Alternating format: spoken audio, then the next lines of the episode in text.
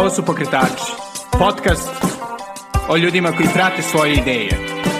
Ja sam Srđan Garčević. Dobrodošli. Ćao i dobrodošli u najnoviju epizodu Pokretača. Danas u gostima je Tatjana Milekić, veteranka domaćeg radionovinarstva i sa Tatjanom sam pričao pre svega o njenoj sjajnoj emisiji Zemlje čuda, koja je išla na Radio Beogradu, ali uopšte o stanju u novinarstvu, e, o tome kako se promenilo tokom njene duge karijere, o tome šta misli o novim formama i naravno o tome kako se sve menja i kako osigurati prvo slobodu e, za sebe u takvom poslu, ali takođe isto naravno i kako ostati posvećen i zainteresovan za svoj posao tokom sredine i ali pri kraju karijere. Pre nego što čujete Tatjanu, hteo bih da vas podsjetim da možete donirati pokretačima, kao i mome blogu The Natural Times. To možete učiniti preko Patreona na adresi patreon.com, kosacrta Belgrade, ili preko Paypala na adresi paypal.me kosacrta Sgarcevic. Želim da se zahvalim svim divnim ljudima koji su već donirali i naravno da vas podsjetim da uh, ovaj projekat postoji samo zahvaljujući vašim donacijama, tako da ukoliko ste zainteresovani, slobodno donirajte. A sada, bez duženja, ovo je Tatjana Milekić. Hvala puno što ste ovde u pokretačima, ovo je velika čast. Meni je divan osjećaj da se nađem u nečem što se zove pokretači, jer sam ja ono što sam pokrenula u stvari završila. Moja karijera se završila, ja sam sad mogu da kažem, još mi je nekako neobično da kažem, ali ja sam sad novinar u penziji i e, nekako je neobičan osjećaj, zaista. Ja sam mislila da kad, prvo sam se radovala odlasku u penziju, ne zato što sam imala problem sa poslom, posao sam, to je takođe zanimljivo, kako se, kako je odmicala moja karijera, volala sam da sve više, možda zbog toga što sam nekako nataložila ta znanja i nekako sam možda stekla i sigurnost. I u stvari shvatila e, koliko je to lep posao. A opet čovek mora da rashvati da jednog trenutka, mislim i kad okolnosti nisu baš najbolje, e, što se rada tiče, što nije presudno, ali recimo da nisu najbolje, onda kažete, pa dobro, završio se taj ciklus, Uh, sad stavljamo tačku, bacimo pogled unazad i idemo dalje. Ne, i ja u ovom izrazito glamuroznom studiju, ove, da, i, i jeli, naravno, znajući definitivno dosta bolje od mene, ove, sve, da kažem, magije, radije i snimanje zvuka, ne razmišljate o svom podcastu, ne? Pa, u stvari, razmišljala sam malo i palo mi je na pamet da bih možda volela da radim podcast koji nisam sigurna da bi mnogo ljudi volao da sluša. Na primjer? E, to bi bio podcast koji bi bio nastavak, recimo, ali to je ovo baš, mislim, verovatno neću to raditi, nego ako bih radila, možda bih to. To bi bilo, bi, bio neki dokumentaristički podcast, nešto nalik onome što sam radila razreda toga, ali nisam sigurna da ljudi, mislim, ja vidim sad kad ljudi procenjuju podcaste, procenjuju po tome e, koliko je zanimljiva ličnost koja je gostovala. I onda kažu, dobar je podcast, bio je taj i taj. Mm -hmm. a, a, mislim, to jeste jedan bitan uslov da imate zanimljivog gosta, ali to je tek deo, u stvari. Da. Deo posla, jer se od gosta ili već gostiju gradi priča uz neku dramaturgiju, tako da uh, nisam sigurna da, ljud, da bi ljudi hteli neke forme drugačije od ovih koje su inače ja. Ali mi se čini da zapravo na našem podcast nebu nešto i nema baš da kažem, pretirano različitih formata. Mislim, uglavnom su ovi kao samo da, intervjui da, da. koji su, kao što znate sami, produkcijno, apsolutno najlakši da zove, pozovete da, da, veliku da. zvezdu radija, kao što ja sad imam ispred sebe, i svi će da vas slušaju. Ove, ili ste vi već ime, jeli? Um, sami kao, jeli, podcaster, a zapravo čini mi se da ovde baš fali nekih, ne znam, baš tih dokumentarnih ili čak i dramaturških podcasta gde bi se nešto razvijalo, recimo, ne znam, u Americi su izrazito popularni oni o, o kriminalu ili da. tako kao neko istraživačke stvari. Ne znam, moguće, stvari. ako mi, ja sada e, sve svoje novinarske potreba, čovjek ne može da ih se liši. Shvatite u nekom trenutku da ako ste se celog života time bavili, onda to postane način gledanja. Ja, ja to sada, način posmatranja stvari, života, uh, ja to sada ispoljavam na Twitteru. I, Aha. i sve što pišem tamo ili zapažam, samo i sebi sam to objasnila u nekom trenutku. Da je to u stvari taj nedostatak, e, to što mi fali novinarstvo, pa ga ja tamo. Da. I to je dosta dobra forma jer je dovoljno je drugačija od onoga što sam radila da mi je interesantna, a dovoljno je, kako kažem, podsticajna, jer ste svakog dana u nekom spidu da nešto prokomentarišete ili ne znam, objavite ili primetite, u stvari najvažnije je da primetite nešto. Da, doduše dosta ljudi, pogotovo ovi mojih prijatelja koji nisu na Twitteru, kad god im pričamo o Twitteru, su to su gluposti, vrlo često, jel, imate i u medijima, a šta to, da. kao Twitter kaže, to nije prava stvar, ali kao izrazito iskusan i ovaj, sjajan novinar, zašto vi smatrate da je Twitter Twitter dobar? je na nekoliko nivoa izuzetno zanimljiv. E, za mene je on u stvari jedna jedno polje na kome često vrlo neprijatno, to moram da kažem. Nije, nije društvena mreža uh, uvek prijatna pojava, jer vi morate, vi se tu su, suočavate sa uh, milion negativnih i pojava uh, i ljudi, ali ja mislim da ne postoji uh, jedan tako obiman izvor saznanja o društvu, kako našem, tako globalnom. Vi ako hoćete, možete da pronađete izuzetno pametne izvore, možete fantastične ljude, možete da saznate nešto što ne biste ni na jednom drugom mestu, kao što možete da uđete u neverovatne obmane, u laži. Znači, tu je jedno polje i slobode i fantastičnog ograničenja, ograničenja koje vam pruža ta, to što je u stvari sve u isto vreme dostupno i, kažem, u isto vreme padate u zamku, da to što vam je dostupno tumačite kao istinito, što uopšte čak ne mora da ima nikakvih dodirnih tačaka između te dve stvari. I vi sad posmatrajući taj Twitter, znači u konkretnom smislu. Vi možete da vidite kakav je, e, s kakvim ljudima imate posla, poznati, nepoznati, političari, aktivisti. E, oni se tu predstavljaju ponekad u autentičnom obliku, nekad se predstavljaju u poželjnom, u obliku kakvim bi želeli da ih mi vidimo na jednoj takvoj platformi neko ko se samo malo unese može da napravi razliku između te predstave i istine. To se jako lepo tu vidi. A ono što ja recimo e, ne volim u vezi između medija i Twittera jeste e, kako mediji koriste Twitter kao bukvalni i banalni izvor informacija.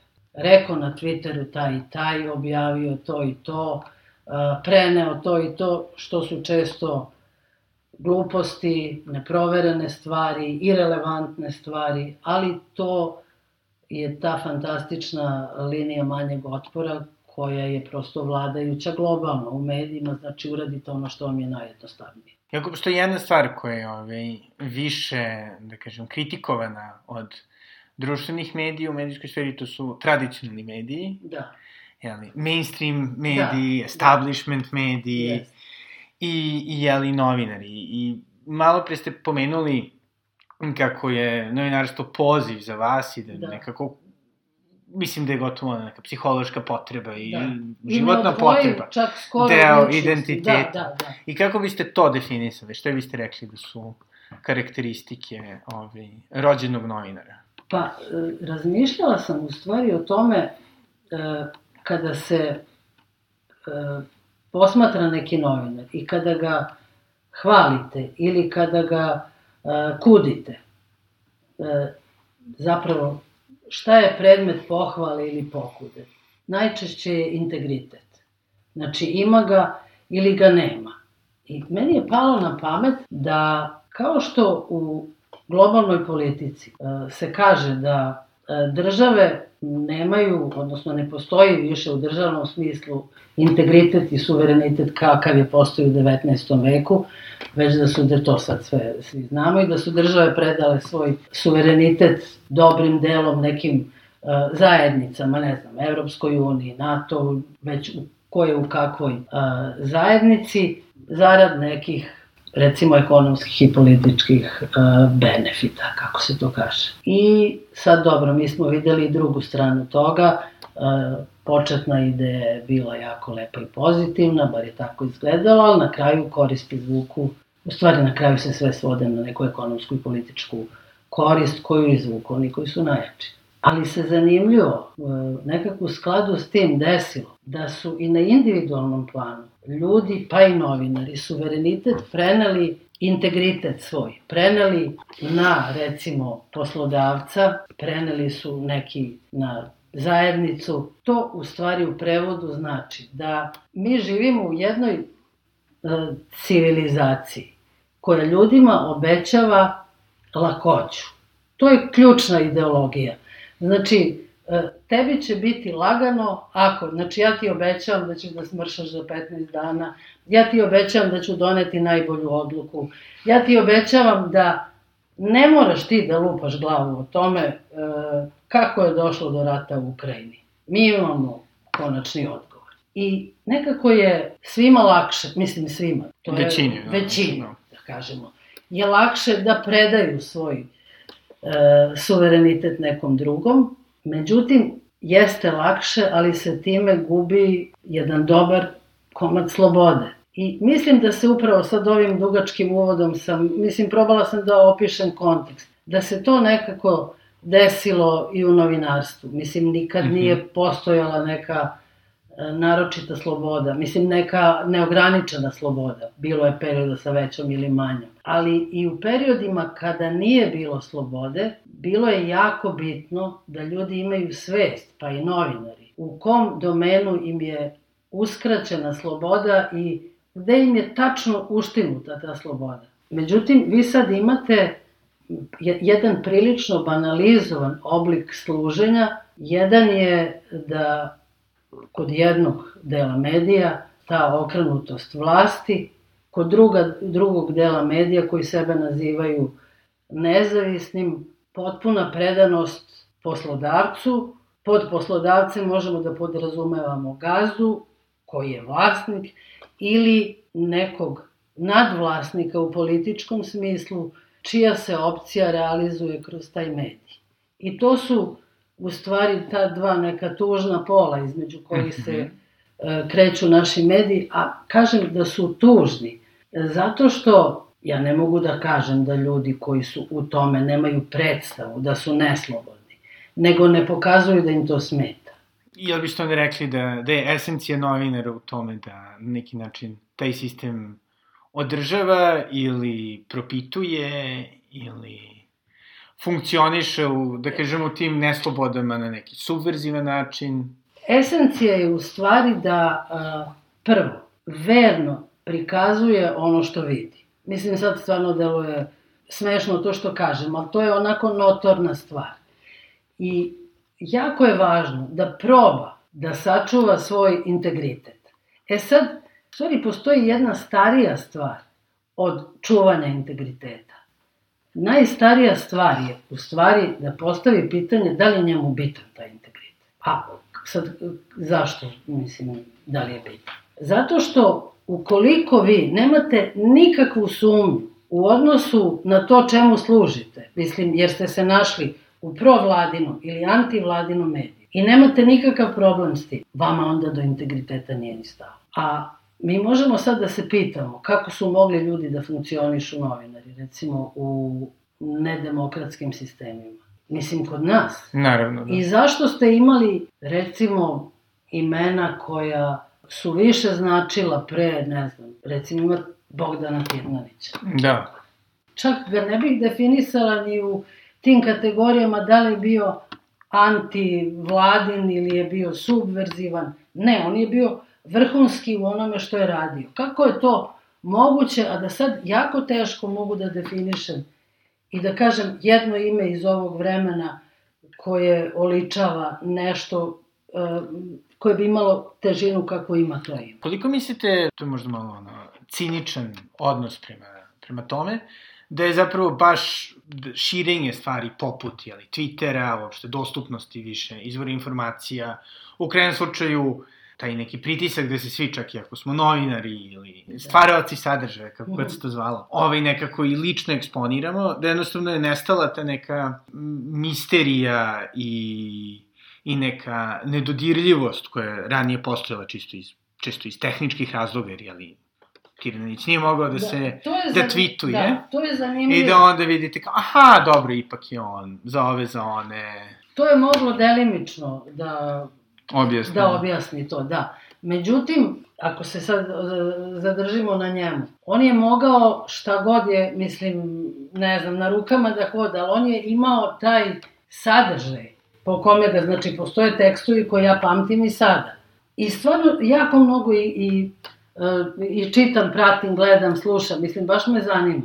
Ali stvarno imam problem, često, da nešto pročitam do kraja. Jer ne mogu da čitam. Ako je nepismeno, ako je banalno, ako je, mislim, naslov, evo kad je ovaj slučaj u Sarajevu, napad na uh, decu koja su došla iz Srbije. Prvi naslov na Novoj S je bio, parafraziraću, kako je roditelj saznao za ranu. Roditelj koji je ranjen, kako je saznao da je ranjen. I sad ja kažem šta je ovo, ne razumijem šta su rekli. Onda u, u, u razradi napišu da je kao lagana bila rana, pa on nije ni primetio prvi mah da je rana. Ali mislim na stranu sadržaj, naslov. To, to sad više ima veze s tim da uh, je ta kultura korišćenja društvenih mreža se prelila na sve, a pod kulturom korišćenja mislim na to da, znači, pročitam tri reči i dalje ne čitam, pa sad kad si naučio da čitaš samo tri reči, ti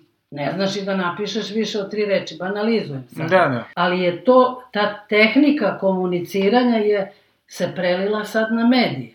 Znači, da. sve kratko, jasno i glupo. Ali ipak tu ste se vi hrabro borili, time što ste imali sjajnu emisiju Zemlja čuda, koja je bila produkcijno nevjerovatna, koja je mogla da se uporedi sa This American Life, sa raznim isečcima, vrlo kreativnim i pametnim ovaj, observacijama o našem trenutnom, trenutnoj situaciji, zbog kojih ste ponekad ovaj, imali i problema. Kao što ste pomenuli u vrlo lepom gostovanju na podcastu Bermudski trougao. To je u stvari nekako došlo kao, stvarno mogu da kažem, kruna mog bavljenja novinarstvom, jer sam ja, kako je vreme odmicalo, imala potrebu, imala sam potrebu da što više stvari uradim sama, i da e, broj ljudi s kojima radim svedem na najmanju meru. Vi tokom godina, radeći u državnom sektoru, mislim, verovatno i u drugim firmama, za druge ne znam, e, e, vi shvatite da je timski rad koji je sada, mislim, ono nešto naj, naj, naj, da je to nešto jako komplikovano i da to možda na nekom nivou funkcioniše, ali na nekom baš i ne. Ako hoćete nešto tačno kako ste zamislili da uradite, onda to treba, mislim, mali broj e, e, ljudi koji slično razmišljaju da urade, a najbolje ako možete sami sami. I ja sam išla ka tome, znači naučila da montiram i imala sam tako jedan laptop i e, tražila sam i molila i sve su mi to posle na kraju, znači da mogu na njemu da u isto vreme da pišem najave, da montiram, da ubacujem u onaj program za emitovanje i tako, kako sam savlađivala to i gradila tu emisiju, ja sam shvatila da to treba da bude u stvari sastavljeno od sličica iz Srbije, nešto što niko ne radi. E sad, onda sam ja, kako ću sad do, do, do, do toga da dođem, I onda sam u stvari videla da to sve tu postoji, samo je stvarno, baš je teško, do, mislim sve to ovaj, obuhvatiti, mislim teško, obiman je posao strašno, da vi pratite sa te lokalne medije, da skidate, a to je, toliko vam se to vrati, mislim, da se to struko, jer je, prvo, to je čarobno, to što vi saznate je neodoljivo. O tim kanalizacijama, o tim vodovodima, o tim otvaranjima fabrika, o tim smenama na čelu firmi, mislim, po gradovima po Srbiji, skupštinama, mislim, lokalnim, sve. I to vas toliko, o, o, toliko vas nagradi.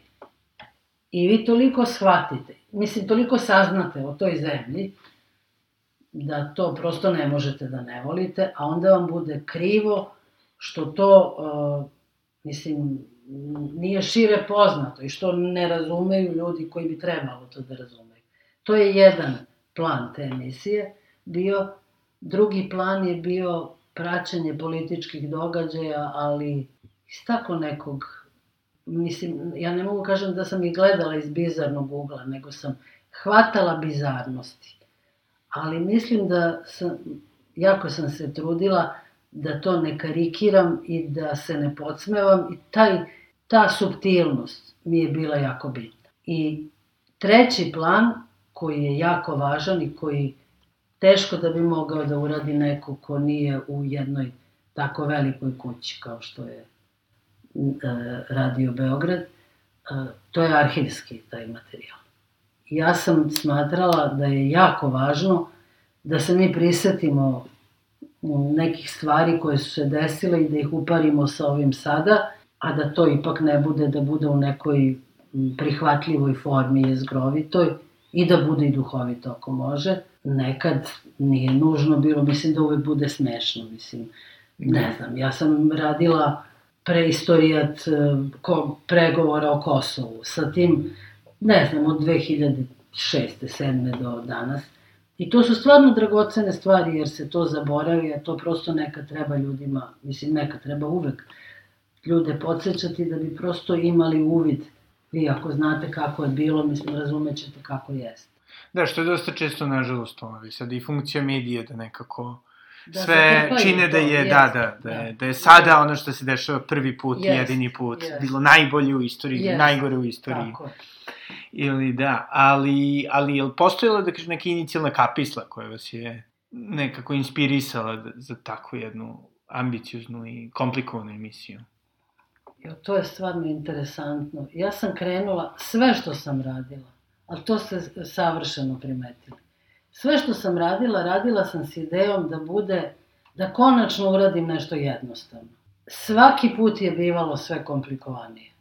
Mislim, to je prosto možda i u karakteru, a možda nekako kad vam se malo, ali stvarno sam, kad, da. sam, kad sam je pokrenula, mislila sam da, pošto volim da pišem, da onda kao bude neki uvod i da onda kao neki, uh, ajde uvod ću da napišem i to, to će sve da bude lepo, a onda ću tako neke priloge, da, neke pričice da pravim iz života, I mislila sam da će to, i to ću, mislim, sama ću da radim sve. E, su prvo došli, da kažem, lokalni mediji ili prvo došla neka ne, arhivska ovo, stvar? Prvo, sam, prvo su došli ovi politički događaji koje Aha. sam ja birala po tako toj zanimljivosti. Onda su došli, lokalni mediji su došli na kraju, zato što su oni inače zatrpani, nisu vam na dokvat ruke.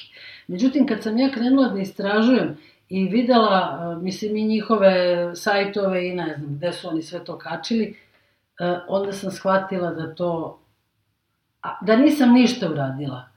Mislim da to, jer vraćam se ponekad, sam sačuvala kompletno tu arhivu, mislim da je to najbitnije što sam, mislim, meni je nekako najdraže što sam uradila. Što negde postoji beleška, Uh, šta se događalo na Skupštini u Smederevskoj palanci, recimo. Ili ne znam, kako je izgledao uh, obilazak Bele palanke kad, ne znam, Vučiću obećavaju lokalni političari da kao sad smo 80%, ali bit će 90% na sledećem izboru. I tako. Mislim, to su sve dragocenosti, u stvari, koje su samo protrčale ovako. Mislim, inače ljudi o tome... Uh, vi nemate, niko vi ne obaveštava, osim ako se nešto spektakularno ne desi. Šta mislite da, kažem, glavna vrednost svega toga, kao neki dokument vremena, kao neka vrsta antropološke studije? A mislim da je u stvari... Kao sve, medijske kritike? Sve je to. Meni je najdraži taj dokumentarni deo. To svedočanstvo o vremenu i o ljudima.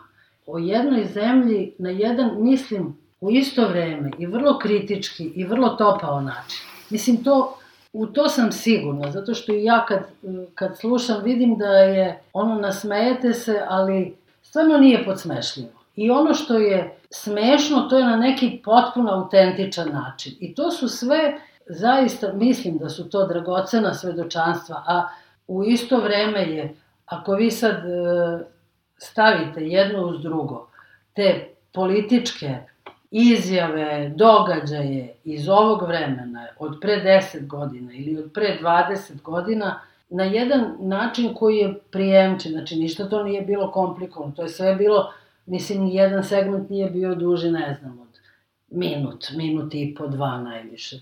Mislim da je to onda stvarno i na korist, mislim da je to otprilike nešto što je u idealnom smislu posao javnog servisa, recimo. Ovi, trenutno u medijima što da kažem iz neke ono, karijerske potrebe samih novinara, da se neko profilišu kao individualne zvezde, što nekim ide sjajno, na primjer, Jovan Jeremić, da. ona je I da to urade što brže, u stvari. To Tačno, je jako da, a opet, isto tako sa druge strane, čini mi se zbog možda potrebe auditorijuma, da im neko kaže šta već da. treba da misle, da. šta treba da očekuju, da nekako baš taj dokumentaristički ili uopšte ono reportažni, da. uopšte to ne narativni, da, da, forme nestaju. Tada mora da bude kratko, mora da bude, ne mora da bude jasno, mora da bude kratko, mora da ima željeni ugao, mora da izađe u susret onome što se traži na tom mestu na kome jeste, znači u tom mediju mora,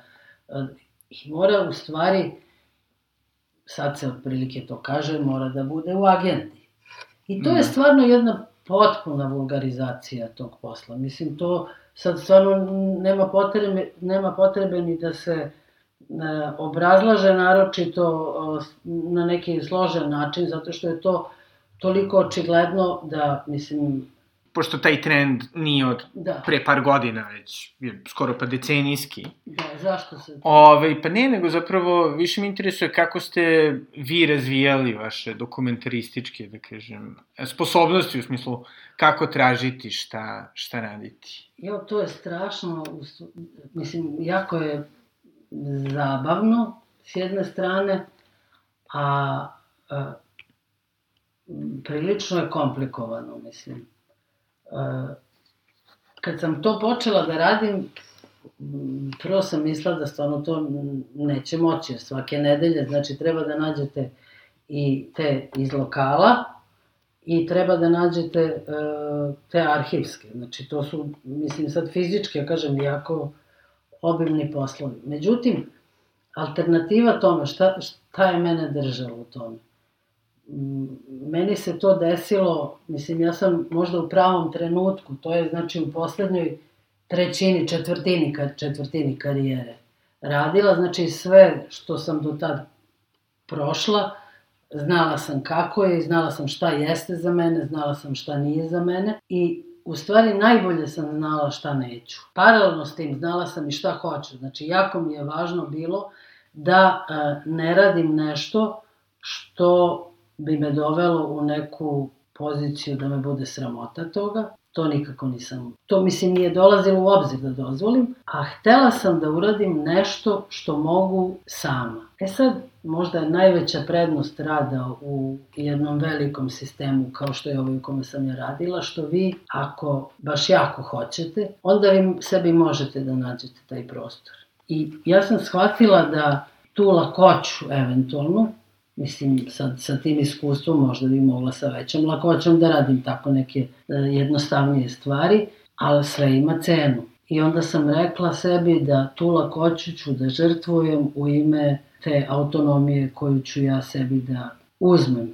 Eto, tako, da se izborim za to ili da je otmem već kako god možemo različite termine da upotrebimo.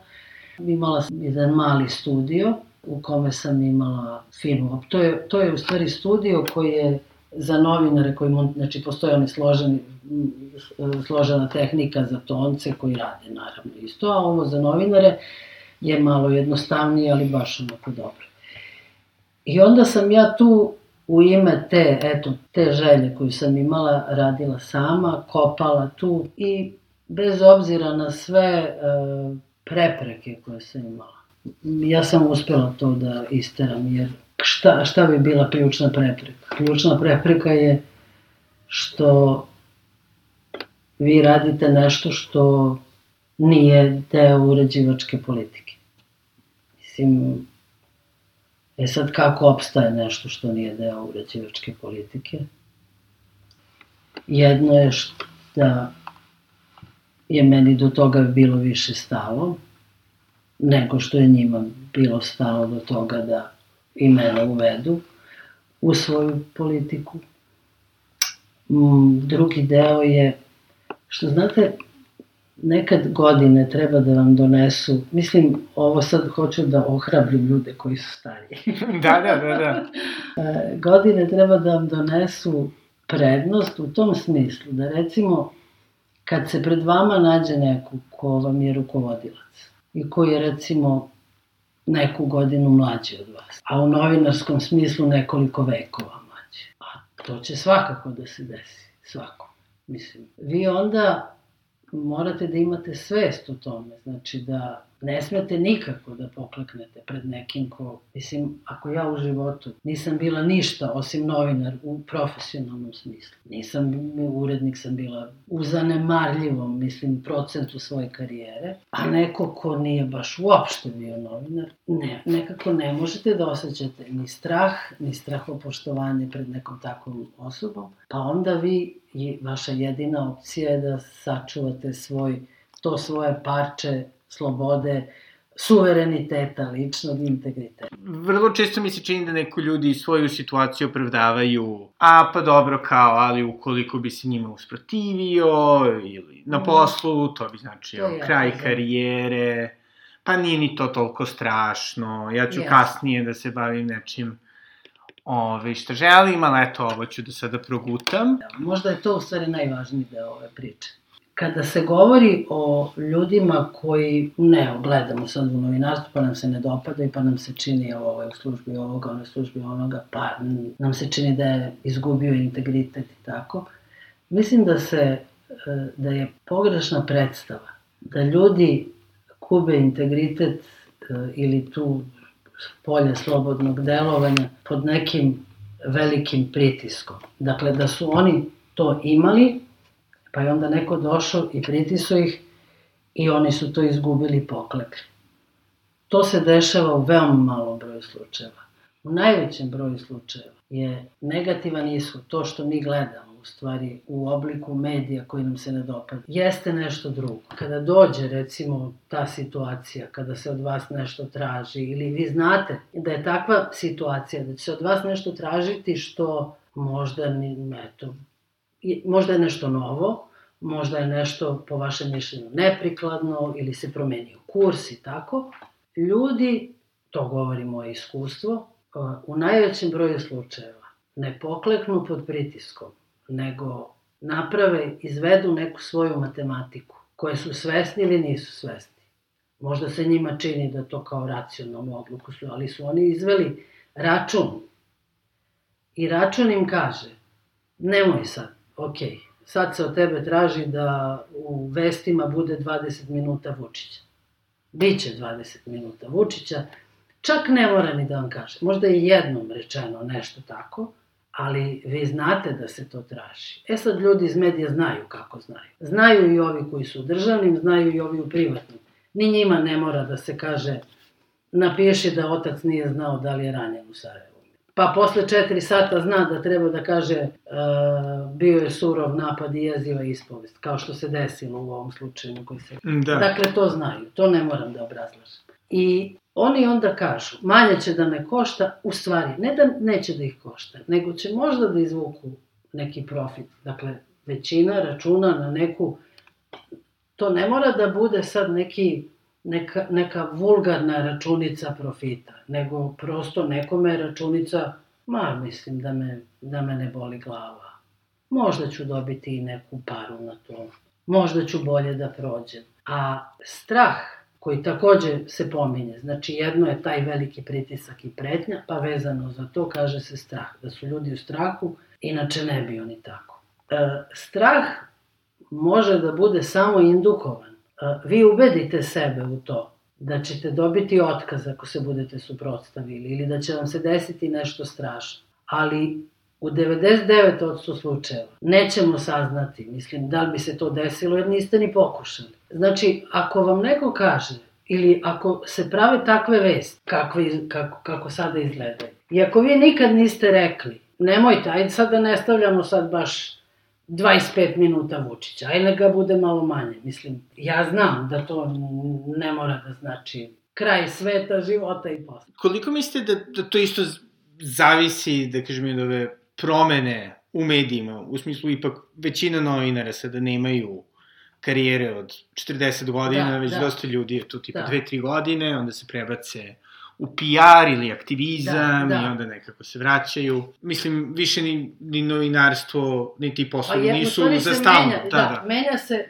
Dosta ljudi freelance. Menja se karakter uh, I onda nećete profesije. biti pozvani da pišete da, i da, da. doprinosite. Ali onda vi ne mora, nećete se ni posvetiti tome tako sad da vi sad tu nešto uh, uh, gradite ne, neke pristup poseban vi prolazite kroz to kao kroz bilo koji. To je jako interesantno. Da se iz, novin, iz novinarstva ide, ne znam, u savetodavne ove, kako se to, u konsulting, pa, šta, da, da, da, da. Medijsko PR i to, me, mislim, to je jako interesantno, zato što to u stvari govori, to gde idu novinari posle karijere, govori o tome u stvari ka, kakav je karakter te profesije sada. I moguće da je stvarno možda ja grešim u, u, u proceni, sad to je moj ugao, ali zaista se karakter profesije možda e, promenio toliko da sada ta, to pitanje kao integritet i što ja znam da to zaista i nije bitno, nego je sad to posao neki kao da prozujim kroz to i sklaparam neke naslove, mislim šta ima veze. A pritom zato što isto, jeli, i ljudi, kao što sam ja, jeli, ekonomisti, bivši konsultanti isto mogu da, usno uđu u to polje I, I svi su, da kažem, na nekom pa, nivou sada yes. neka vrsta novinara, ako žele. Mene u stvari u tom poslu najviše obraduje kad vidim nekog talentovanog i kad vidim neku originalnu misao. Užasno mi je žao što strašno redko nailazim na originalnu misao. Jer sad stvarno, mislim, sama misao je potpuno nebitna. Sad je, mislim, kako stvari funkcionišu, dakle, važnije je pravac, opet na, na tu agendu idemo, ali uh, vi imate sada, znači samo pročitate dva reda i odmah možete da spakujete tog sagovornika ili tog autora, tačno znate gde pripada. I to je meni, em što mi je dosadno, nego mi je to nekako žalosno, a drugo stvarno, to, mislim stvarno što bih čitala ili slušala nešto što priču čiji kraj znam. A koliko mislite da je vama na nekom ono, profesionalnom i ličnom nivou pomoglo to što možda ste zaista osoba koju interesuje ono što se dešava. Pošto mislim da dosta ljudi u medije dolazi ili iz neke, da kažem, želje za samopromocijom, da. neki dolaze iz, da kažem, želje za nekim društvenim uticajem, a postoji ljudi koje, eto, čisto interesuje da neke stvari posmatraju, razumeju, prikažu? Pa, u stvari, od novinara koje, koji se meni dopadaju ili koji su mi se dopadali, vi tačno možete da vidite, kad nekoga zanima nešto i kad ume da posmatra stvari, kao što volite pisce koji umeju da vide nešto, pa sad ili vide nešto što ste i vi videli, ili vide nešto što vi niste, a prepoznate i kažete kako to nisam video. I mislim da je to presudno. Presudna je ta ne samo puka znatiželja, nego istinsko interesovanje za pojave oko vas, talenat i ono što je stvarno sad potpuno retro, obrazovanje. Mislim da čitate više nego što pišete. Sad ljudi više pišu nego što čitaju, to, to je neki pisac kod nas izjavio, to je istina stvarno. E, to se jako lepo vidi, mislim, vi to vidite kod novinara, kod e, svih tih ličnosti koje cirkulišu po u javnosti, e, da li su čitale i koliko su čitale. Ako vam citiraju, ako svaki drugi citira, ne znam, Antu Markovića iz 90. znate, mislim, da googla samo ili dobro pamti. Ako. Ili mislite da su mlađe generacije podložnije, da kažem tako, tim nekim malo plićim stvarima? Pa ne, a to sad baš ne bih rado zapadala u tu zamku, zato što, mislim, to stvarno od kada je sveta i veka svi sad govore kao da su ovi koji dolaze površni. S druge strane, ono što je fenomenalno što se desilo u Srbiji, uh, to sam primetila, jedan talas mladih ljudi, ne toliko u novinarstvu, ali uopšte. Mislim, oni koji su dobro obrazovani i koji su gaje i neku emociju prema zemlji u kojoj žive. Ali onako jednu, mislim, vidite kako sad, kako me vuče da kažem ali, kao da je da, da. odnos prema, pozitivan odnos prema državi nešto što treba, prema zemlji, nešto Jasne. što treba da se pravda. To je isto, Jeste, nešto je bolesno. Neka, to, da. I, ili u krenom slučaju niže klase, da, da. nešto bedno, da. E, ali to se sad povezalo i to je, mimo kontrole. To mi se u stvari najviše dopada, što je kod mladih ljudi se to, ne, znači, ne mislim da je to neka, neki većinski trend, ali mislim da je dovoljno snažan i dovoljno, bar može da se primeti da postoji, da ti koji su obrazovani i koji dobro razumeju stvari i koji su opredeljeni na jedan način koji se meni dopada da to postoji i da je to samo po sebi u tim e, turbulencijama se rodilo, po tim pritiscima, koliko god da su pritiskani, da su čak označavani i ovakvi, i kao desničari, i kao deca koja su rođena, mislim, i, i stasala u najgore vreme, da se tu, tu ne možete da utičete, nego se to prosformiralo u nekom pravcu koji je zdrav. Eto, to se meni dopada i to volim kad, opet, kad pročitam nešto tako ili čujem, to mi bude jako drago. U podcastu uglavnom, jel, imam neku ljude koji su manje više na početku neke karijere, da. jel, krenuli su da imaju neki svoj novi biznis ili da se bave nečim. Da.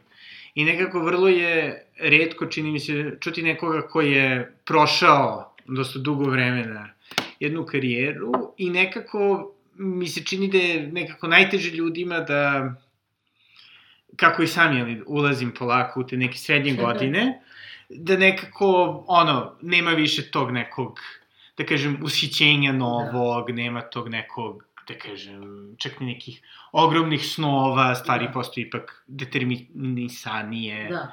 Ove, kako ste vi održali to neko interesovanje i da ste neko niste utopili kao, ok, sad ću da, ono, To ne znam. Istik, da, da. istikam tih x godina i kao radit ću što god mi se da ili neću, bit ću na bolovanju non stop.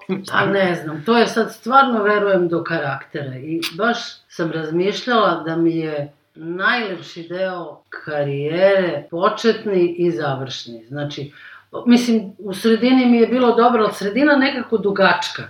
Sredina je onaj deo kad ste daleko od početka, čini vam se da kraj karijere, to pitaj Boga kad će, i to sad ide nekako, Iako sam na, u istoj kući provela skoro 40 godina, menjala sam puno ono što sam radila i taman kad bih nešto, ne znam, počela sam sa emisijom Niko, prvo sam bila reporterka, pa sam e, emisiju Niko kao ja radila. Pa kad god bi recimo neka stvar se etablirala tamo, neka emisija ili nešto, I kad bih ja osetila da sad stvarno nekoga da zovem šta da radim, čim sam tako ovaj, sebi počela takva pitanja postavljam, odmah ih počinjala nešto novo da radim. A zaista mi je najlepši deo ovih poslednjih tih osam godina, kad sam radila Zemlju čuda. I u isto vreme, kažem vam, mislim da je to najlepše što sam uradila za sve te godine, a kontekst mi je bio najgori.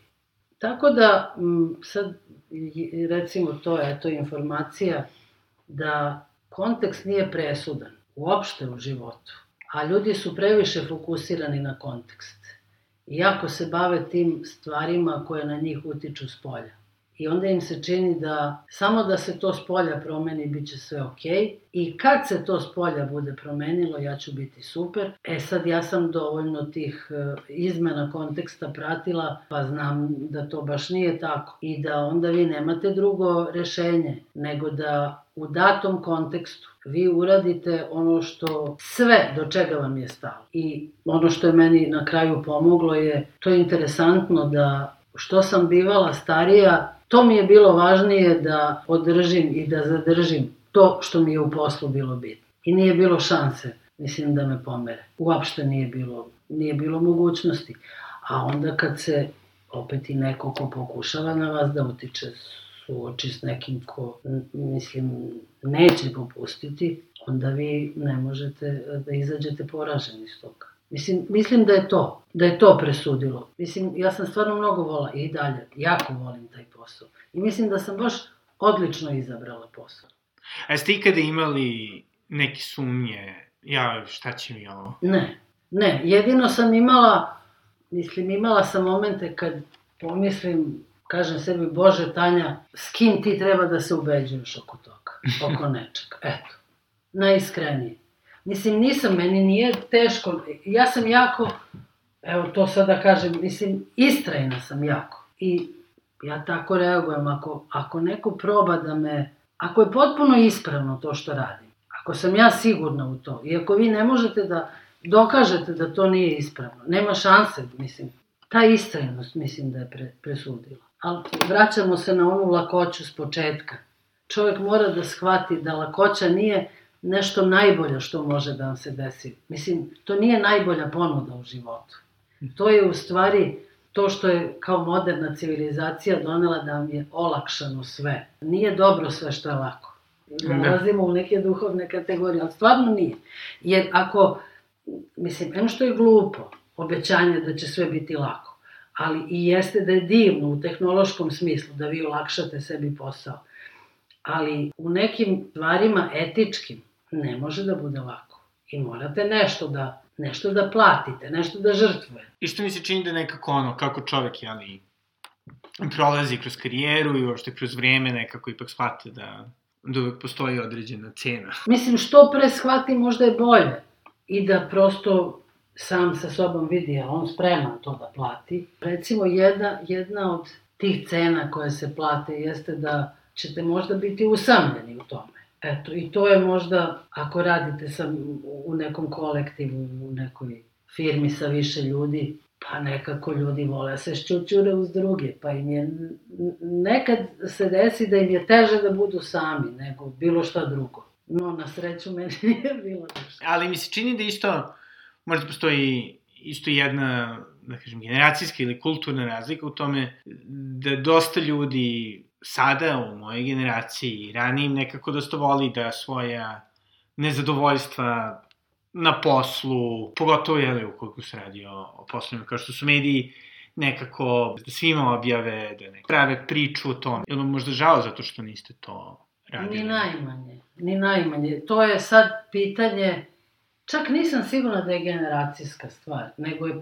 u stvari, generacijska je u tom smislu da su oni shvatili upotrebnu vrednost toga. To su vrlo brzo da, da. shvatili. I tehnološki isto lakše. Jest. Znate uh, koja je funkcija toga? Znači, kažete, mene su proganjali, crtaju mi metu, vi onda ulažete, u stvari to je kao ulaganje u ne, to je investicija vaša. Jer ćete, ako on to toga računate da ćete ostvariti neki profit. Iz mog ugla, granica koja se ne prelazi je pitanje ukusa. Za mene je to neukusno. Em što je u velikom broju slučajeva lažljivo, znači niko im ne crta metu, nego vi znate da postoji tehnologija proizvođenja, znači mehanizam proizvođenja toga da ti nacrtaju metu.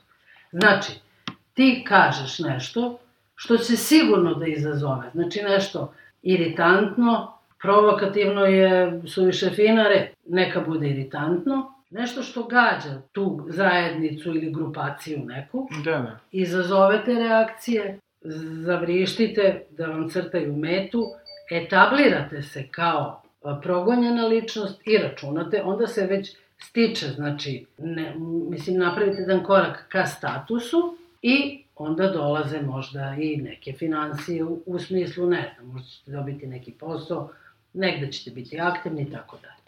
A, I nekako i čini mi se da čak i sama ekonomija medija sada, je li sa tim prebacivanjem na, na substackove, da. Patreone, YouTube kanale, individualno neke, kažemo, autorske da. misije. Mislimo, ovo samo po sebi, da.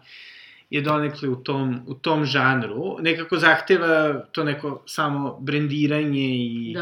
Da je neko stvaranje priče o sebi. Pa u Mislim... stvari to je sad, e, e, to je epoha koja je nova i koja je mene prevazišla. Da. Mene lično, mislim sad ako mene pitate da li mene to da li moju pažnju može to da privuče, ne naročito. Može u prvi mah. Znači ja hoću da gledam i Jovanu Jeremić i ne znam sad ko je sve se na taj način, mislim, e, etablira. Ali posle dva put meni to nije interesantno. Mislim, ne mislim ništa da bi ja to zabranila, da ja to ne bi, da je to sramote. Ne, to je, mislim, tržište, nije to. Nego to e, nije na taj način interesantno da može da drži pažnju. Jer e, to samo brendiranje, sad opet kažem, što se mene kao potrošača medija tiče, je zanimljivo jedino ako mi je taj brendirani ponudio neki sadržaj. Ako nije, mislim, može da hoda na rukama, uopšte me ne interesuje. Da. Jer je to granica tog samo brendiranja. Moguće da ako ste, ne znam, površni potrošač, pa sad nije ni bitno. Mislim, zanimljiva je ta figura koja se samo, samo promovisala, pa ćemo je kao tako gledati. Ali sad, mislim, ja gledam drugačije, ali kažem vam, to je sad, ja sam iz druge epohe. Jel imate neke nove projekte, planove? Pišem, u stvari re, rešila sam da napišem neku knjigu političkih bajki. Iz nečega što sam već radila, da to bude neka u pisanoj formi a, dokumentarna, dokumentarno svedočanstvo a, o političkim događajima iz ovih deseta godina. Ali u formi u kojoj sam inače pisala, to je neka magični realizam. Jes, u stvari obrada, mislim, to otprilike tako sam pisala te uvode, to su izmišljene priče o stvarnim događajima, eto tako. To je, kako je recimo moglo da izgleda, uh, kako je izgledala noć pre nego što je uh, Vučić otišao u Brisel i da se tamo sa Catherine Ashton i sa Dačićem i sa kolegama iz Prištine dogovori o briselskom sporazumu. O čemu je, mislim, to sad je moja interpretacija. I, mislim, To sam mislila da uradim. Mada sve vreme mislim kao da li, da li kad, kad se odmaknete od tog vremena, i ako niste toliko detaljno pratili, uh, da li je vama to prijemčivo? prijemčivo? Da li dopire do vas to, mislim sad, ne znam, to ću, kad budem uradila, onda ću ja da procenim da li je. Mislim, sad da. možda previše samo sebe pitam, nemam pojma. Dobro, to je uvek, to, to je uvek smrt za bilo kakav kreativan rad. Yes da ste malo previše samo kritični, pa je. nažalost. Ali, ovaj, ali dobro, da li mislite za ovih desetak ili četrdesetak godina, nekako mi non stop imamo te da smo ili na kraju istorije, da su da. izrazito banalna vremena ili najgore vremena, da. a opet sa druge strane bajke su onako nešto što treba da bude bezvremeno i da, da kažem, da priča o nekim dubljim stvarima, ili postoje neke, da kažem, dublje teme koje vas je ovih 40 godina naučilo? Ja sam najviše razmišljala o prirodi vlasti i to sam posmatrala na dva plana. Jedan je vlast u ovom smislu u kome inače, znači državna vlast, jer sam videla dosta tih garnitura i kako se ljudi ponašaju, kako se menjaju, a u stvari, apropo toga, najveća bizarnost koja je vezana, evo, za mene, kao novinara, jeste da za tih 40 godina ja nisam imala nikakav kontakt, privatni, ni sa kim iz sveta politike. Odnosno, ja ne znam da li još ima nekog novinara sa tolikim stažom ko nije imao, koji nije imao izvore mogli su, gostovali su kod mene i šta ja znam i tu bismo možda popili kafu ko je ostovo, ali nikad van radija nisam imala ni telefonski kontakt ni sa kim, iz bilo koje sfere. Sad to jeste, ja nisam baš naročito, iako sam novinar, ali nisam baš kao people person. a, a zašto nije ni bitno. I uvek se govori, dakle to u ovom slučaju negira tu tezu da novinar, što i ispravno inače, da mora da poznaje, da mora političare, da mora da ima s njima neku komunikaciju, da nešto sazna i tako dalje, ali to vas opet nagradi na nekoj drugoj strani. Kao ljudi koji, e, recimo, imaju slabije razvijeno neko čulo, pa na račun tog razviju neko drugo. E, kod mene se razvilo to posmatračko čulo. Ali bukvalno kao, ne znam, ko ljudi koji posmatraju ptice ili nešto tako, mislim. Stvarno umem da gledam i umem da vidim. Jer nisam na drugi način mogla ništa da saznam. Tako da sam tu saznavala dosta i drugi plan o karakteru, u posmatranju karaktera vlasti jeste u mom neposrednom okruženju. Dakle, kako su se menjali ljudi kad dođu na vlast u toj mikrosredini, kako su se menjali ovi drugi kojima dođe nova vlast, kako se u mikrosredini promeni čovek koji je bio novinar, recimo, reporter, pa je postao urednik. I ono što mi je najviše u tom posmatračkom poslu pomoglo je što, ali baš nikad nisam imala potrebu da bilo kakav oblik vlasti Vršite. obavljam, vršim, da, e, ni u mikrosredini. Jedino sam volela nad poslom da imam kontrolu, a pošto sam uglavnom sama radila uz eventualno muzičara koji mi da muziku, montirala sam sama, imala producenta koji mi pomagao na emitovanju, ali u stvari to je najinteresantnija stvar koju sam naučila, da se ljudi toliko investiraju u to i toliko se degenerišu u stvari da je to nešto, ali sad mislim kad ste lišeni toga, lako vam je da kažete to ne bi poželjela nikad. Ali da je to stvarno jedna najizazovnija pozicija za ljude i pozicija koja ih najviše razgoliči, razgoličuje i lomi, to je, u to sam sigurna. Ne znam nikoga koji je e, došavši na vlast posto bolje. Mislim da ste ga videli kao bio nikakav i sad je procveto. Mislim, to nisam vidio. Dobro, dosta njihova izgleda dosta bolje. Pa, izgleda bolje, da. ja sam zapazila jedno posle 2000 kad je došao u radio, mislim sad uopšte nije ni aktualno, da. nije ni bitan čovjek, toliko, ali je bio u DOS-u. I on je došao i sad to sam ja tim svojim očima primetila da ima rupu na džemperu. I pomislila sam, posle, zamisli kak, mislim, nije sad sirotan bio ne, ni tad, nego prosto imao rupu na džemperu i sad nešto staro ko što se Dobro, to je sada vrlo pa... trendi, da. Da, ali tad nije, nije, nije bilo, nije da. iz tog filma to bilo, da. I pomislila sam, zamislite kakav je skok. Sad, to je stvarno uh, uh, dobra slika. Kada iz tog džempera s rupom skočite u tako kratkom i munjevitom periodu do lepog odela i svega i dobre pozicije i tako dalje. A, mislim, ne možete vi da zadržite potpunu kontrolu nad sobom. To je... Niste vi isti čovek. E sad, to je kao ono kad ljudi putuju kroz vreme. Mislim, to ne može da ne ostavi traga na vama. Sad, ko ima potrebu, a veliki broj većina ima potrebu za tim, mislim, njima srećan put. Da, I sada, ove, kada biste ponovo mogli da birate u ovom trenutku, da ste na početku karijere, čime biste se bavili? Pa ne, mislim, uopšte se ne kajem, ali ne, ja sam čak na jako glup način izabrala posao. A pokazalo se u stvari da sam dobro razmišljala, nego je motiv bio glup. Ja uopšte nisam ni naročito komunikativna, niti imam potrebu da sa ljudima nešto ostvarujem kontakte nego sam ja jako volela da pišem i bila sam dobra u tome i u srednjoj, u gimnaziji sam imala profesorku, evo to će biti ime koje u stvari najviše zaslužuje da bude pomenuto, Ivanka Čobanski se zvala. I ona je bila uh, u tom smislu bitna za mene, jer je od prvog trenutka prepoznala nešto što ja imam, recimo, da originalnost, i jako je to podsticala. I tokom karijere, mene ljudi nisu toliko, mislim, sredina me nije toliko podsticala koliko me tolerisala.